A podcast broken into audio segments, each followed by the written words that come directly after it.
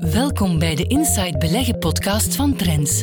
Met elke woensdag een blik op de economische actualiteit en uw beleggingen door Danny Reewegs, directeur analyse en strategie van Inside Beleggen.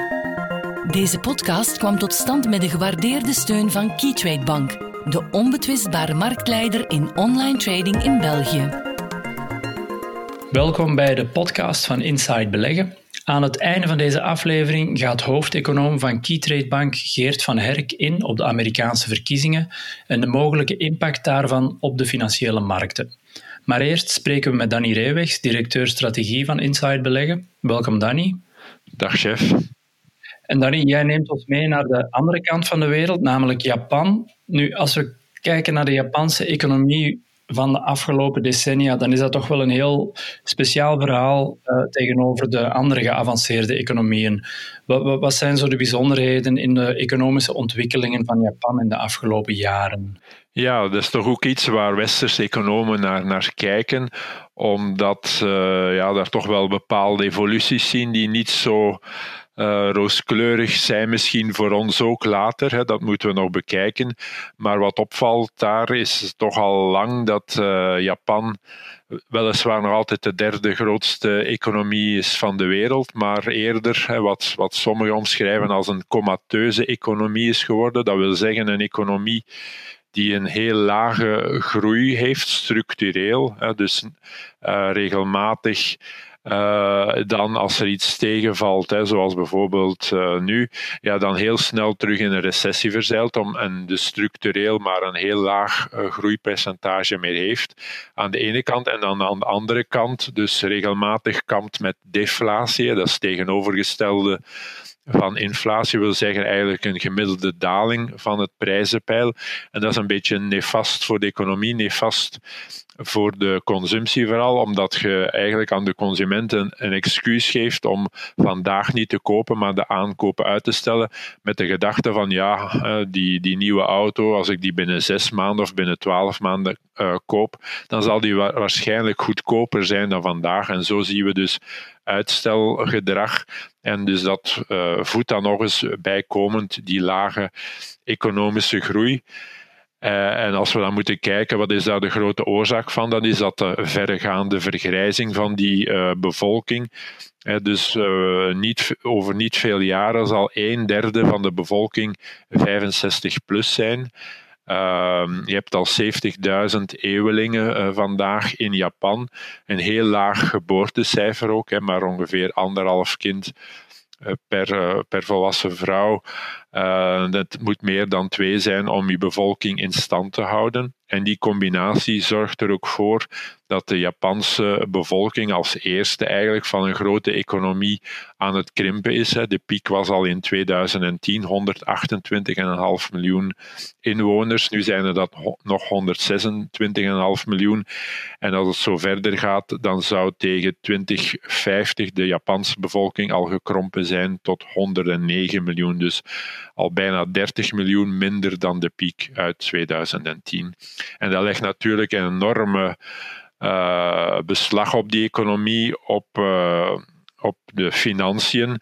Want de gezondheids- en bejaardenzorg, dus uw sociale zekerheid, is in 30 jaar daarvan het gewicht in het bruto binnenlands product al toegenomen van 11 tot 22 procent. Die kosten lopen voortdurend op, terwijl dat BBP eigenlijk niet meer uh, of nauwelijks groeit. Ja, ja, dus het economisch probleem is voornamelijk een, een bevolkingsprobleem.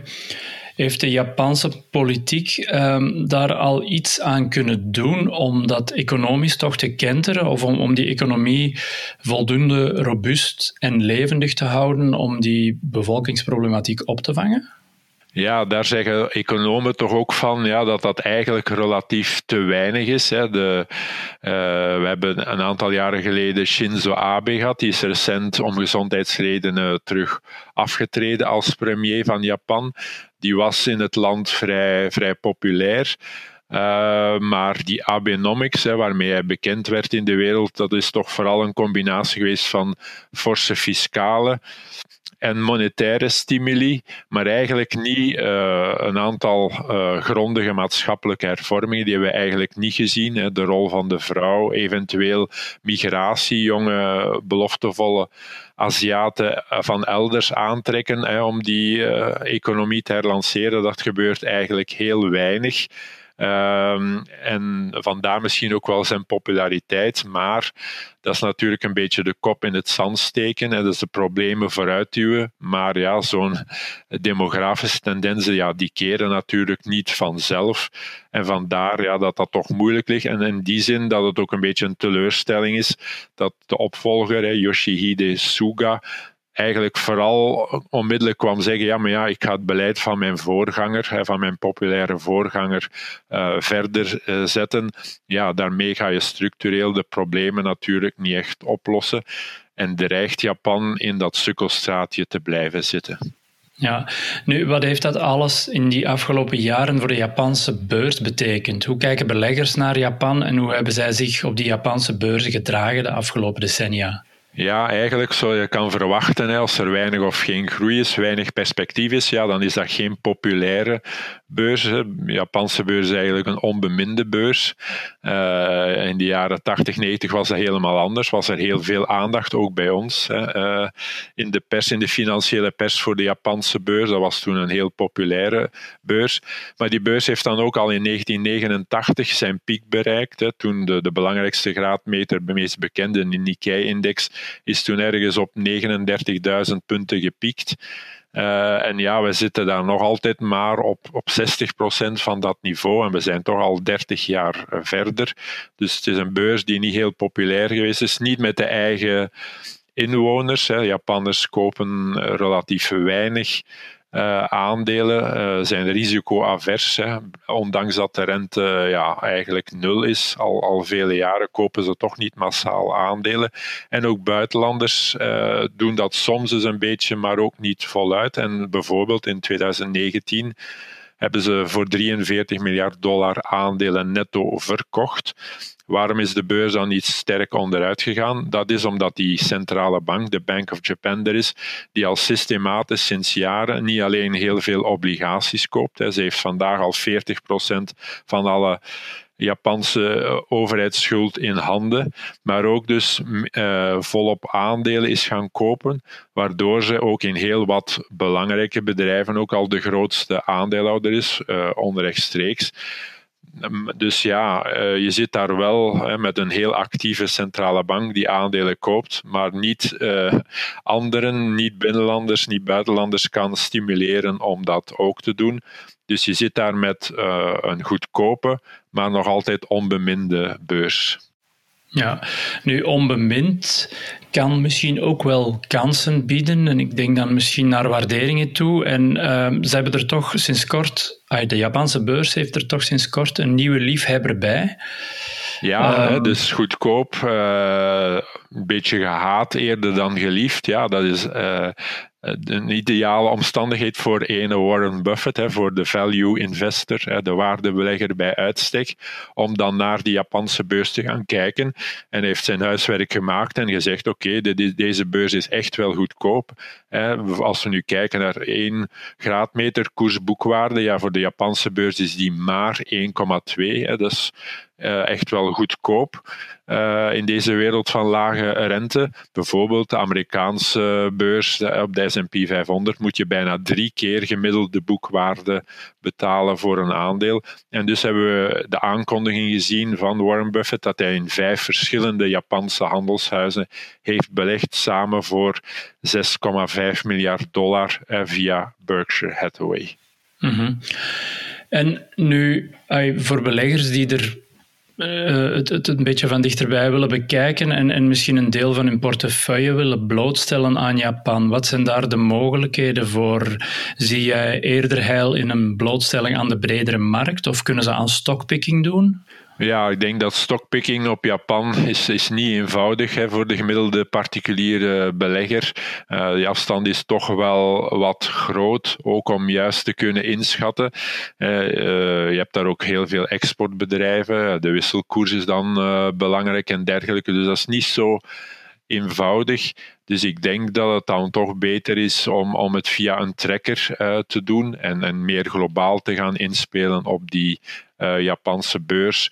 Er zijn er een aantal die, die aangeboden worden, die dus vrij goed verhandelbaar zijn. En op die manier uh, kunnen we daar dan toch beter op, op, in, op gaan inspelen. Ja. Ja, oké. Okay. Nou, dat is een interessante diversificatie voor degenen die dat willen. Ja, absoluut. Ja, en uh, als aandeel van de week heb jij het Nederlandse postbedrijf PostNL uh, onder de loep genomen. Dus daarmee zijn we een beetje dichter bij huis. Nu, ik zeg postbedrijf, maar dat is het in feite al lang niet meer alleen wanneer we over PostNL spreken. Ja, als we spreken, een van de vereisten is het denk ik van het beursjaar 2020. De coronacrisis, alles lijkt heel negatief, maar voor een aantal bedrijven is het toch wel een heel positief verhaal eh, gebleken. Dus ook en zeker voor de pakjesbezorgers en zeker ook voor PostNL. Als we kijken naar de koersevolutie de voorbije vijf jaar, dan was dat aandeel zo helemaal weggezakt van 5 euro naar 1 euro in maart 2020. Vandaag staan we terug in de buurt van uh, eh, 3 euro. Hè. Dus het aandeel is bijna verdrievoudigd in, in amper een goed half jaar tijd na eerst toch wel uh, een van de slechtste beleggingen te zijn op de Amsterdamse beurs. Wat is het grote verschil? De voorbije jaren, tussen de periode vanaf 2015-16 tot, tot uh, begin dit jaar, lag de klemtoon altijd maar op dat uh, verliezende omzet in de brievenpost. Hè. Hoeveel procent is het gezakt? Daar lag altijd maar de klemtoon op.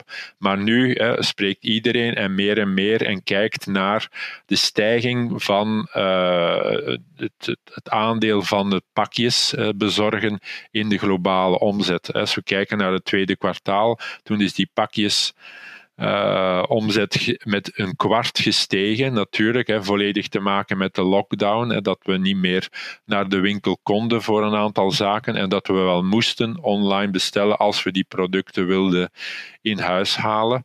Dat zal voor een stukje na de coronacrisis wegvallen, maar toch niet volledig. Hè. We mogen spreken dat het ons aankoopgedrag van de consument toch voor een stuk zal veranderd zijn. En dat is een enorme troef en voor de toekomst voor zo'n pakjesbedrijf als PostNL. Ja, en hoe is PostNL zijn strategie daar, daaraan aan het aanpassen? Want zoals je zegt, na corona kan het misschien wel, wel terugvallen, maar je spreekt wel van duurzame, veranderende consumententrends.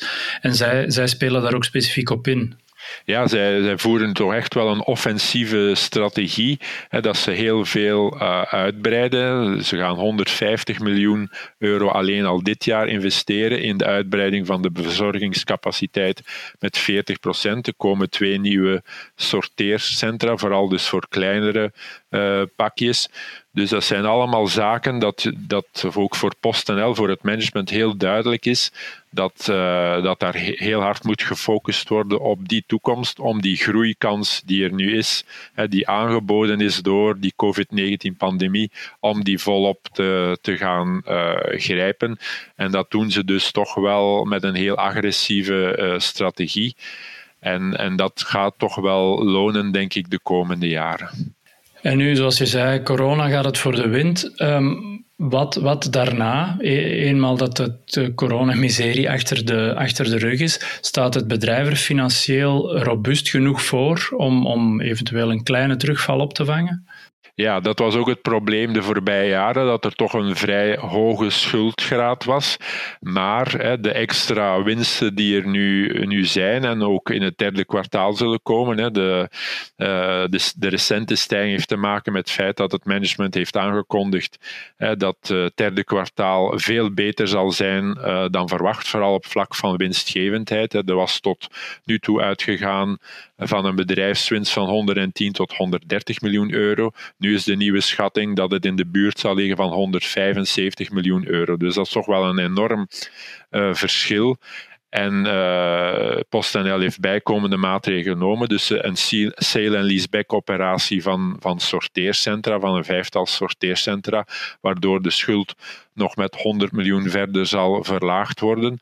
Waardoor ze nog twee keer de bedrijfskasstroom aan schuld zullen overhouden. Dat is al heel wat anders dan vroeger, drie à vier keer. En dat biedt ook de kansen aan PostNL om de aandeelhouders terug te gaan verwennen. Niet alleen met koersstijging, maar ook opnieuw met een dividend. Dus de aandeelhouders zullen mogen rekenen op een dividend van ongeveer 18 eurocent per aandeel.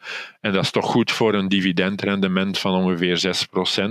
Vroeger was dat een dividendaandeel, dat is een tijd niet uh, meer geweest door de tegenvallende resultaten in combinatie met die hoge schuldgraad. Wel, dat zal het nu weer terug kunnen worden. Dus het heeft toch een aantal troeven voor de belegger. Uh, potentieel op vlak van koersontwikkeling, maar dus ook uh, terug een dividendwaarde. Ja, en tenslotte, uh, los van dat dividend, zit het qua waardering ook wel snor momenteel.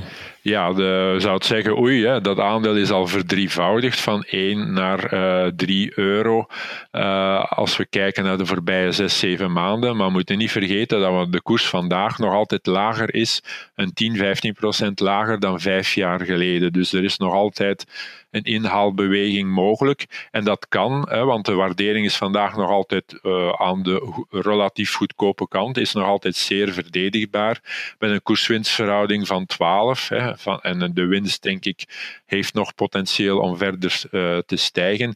En nog altijd maar een, een, zes keer de verhouding tussen de ondernemingswaarde en, en de bedrijfskaststroom.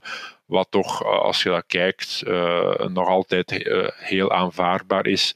Ook als je vergelijkt met andere sectoren. Het geeft ook aan dat het aandeel ja, wel heel ongeliefd was een aantal maanden geleden, veel te goedkoop geworden. Nu is de waardering redelijk, maar er is nog potentieel voor verdere stijging. Ja, oké. Dus zeker een aandeel om in de gaten te houden en dicht bij huis, dus makkelijk om op te volgen. Jij bent uh, heel hard bedankt voor jouw tijd en inzichten en tot volgende week. Graag gedaan en tot volgende week. We luisteren nu naar Geert van Herk, Chief Economist van Keytrade Bank, met zijn analyse op een aspect van de economische actualiteit. De Amerikaanse presidentsverkiezingen staan voor de deur. En dus worden we in de financieel-economische media om de oren geslagen met analyses en voorspellingen. Volgens sommige analisten zal een nieuwe overwinning van Trump voor euforie op de beurs zorgen, terwijl een overwinning van Biden misschien niet zo positief zal uitdraaien voor de financiële markten. Kortom, onzekerheid troef en zoals gewoonlijk krijg je als belegger ook wel een beetje angst nu we steeds dichter bij 3 november komen, de dag van de Amerikaanse presidentsverkiezingen. Alvorens in te gaan hoe je als belegger kan voorbereiden op deze cruciale verkiezingen, willen we even stilstaan bij de vorige Amerikaanse presidentsverkiezingen. Nagenoeg elke economist of vermogensbeheerder stelde dat een overwinning van Donald Trump een nachtmerrie voor de belegger, belegger zou zijn. Als hij president werd, kon je maar beter snel je Amerikaanse aandelen verkopen, want het zou de verkeerde kant opgaan met Trump. We kennen de uitkomst. De voorspellingen waren er compleet naast en gedurende de afgelopen jaren presteren Amerikaanse aandelen zeer sterk en in ze pakken beter dan Europese aandelen. Dit is een eerste les. Het is onmogelijk te voorspellen hoe de beurs zal reageren op een nieuwe ambtstermijn voor Trump of een eerste ambtstermijn voor Biden. De waarheid is dat presidenten of politieke leiders veel minder macht over de economie hebben dan wat iedereen wil geloven. Kijk maar naar dit jaar om te zien hoe groot de kloof tussen de reële economie en de beurs is. De wereldeconomie zal onderhevig blijven aan periodes van groei en recessie. Dit is de enige zekerheid die we hebben en waarop ons moeten baseren om onze portefeuille te beheren. Bovendien kan je de volgende vraag stellen. Stel dat je er 100% van overtuigd bent dat Biden verkozen wordt en dat een democraat niet zo gunstig is voor de beurs. Je verkoopt je aandelen voor de verkiezingen, de verkiezingen komen en Trump wordt opnieuw herverkozen met als kers op de taart een stijging van de beurs met meer dan 5%. Wat zal je doen? Terug instappen? Een correctie afwachten om terug in te stappen? Wat als die correctie nooit komt en de beurs verder blijft klimmen? Dit is een voorbeeld om aan te tonen hoe moeilijk het is om te voorspellen. We geven er de voorkeur aan om je portefeuille voor de verkiezingen eens even onder de loep te nemen. Je kan individuele aandelenposities beschermen met een stoploss. In dat geval ben je ingedekt bij een daling en leid je niet te veel verlies. Je kan in je portefeuille misschien wat meer defensieve acties leggen door wat cash op te bouwen. Misschien een kleine blootstelling aan staatsobligaties te kopen. We hebben dit jaar nog gezien hoe mooi staatsobligaties presteren bij een scherpe marktcorrectie. Of van de huidige correctie in de goudprijs gebruik maken om wat goud in je portefeuille te stoppen om zo je portefeuille te beschermen. En staan er aandelen op je verlanglijstje die je wil oppikken bij een correctie, leg dan misschien enkele opportunistische aankooplimieten in de markt om die aandelen bij een correctie in portefeuille te nemen. Maar laat het vooral een les zijn om de komende weken niet te emotioneel te gaan handelen in de aanloop naar de Amerikaanse presidentsverkiezingen. Het is onmogelijk om de marktreactie te gaan voorspellen. Tot volgende week. Tot zover deze aflevering van de Inside Beleggen podcast. Meer tips, advies en analyses voor uw beleggingen leest u morgen in Trends. Volgende week zijn we er opnieuw. Deze podcast kwam tot stand met de gewaardeerde steun van Keytrade Bank, de onbetwistbare marktleider in online trading in België.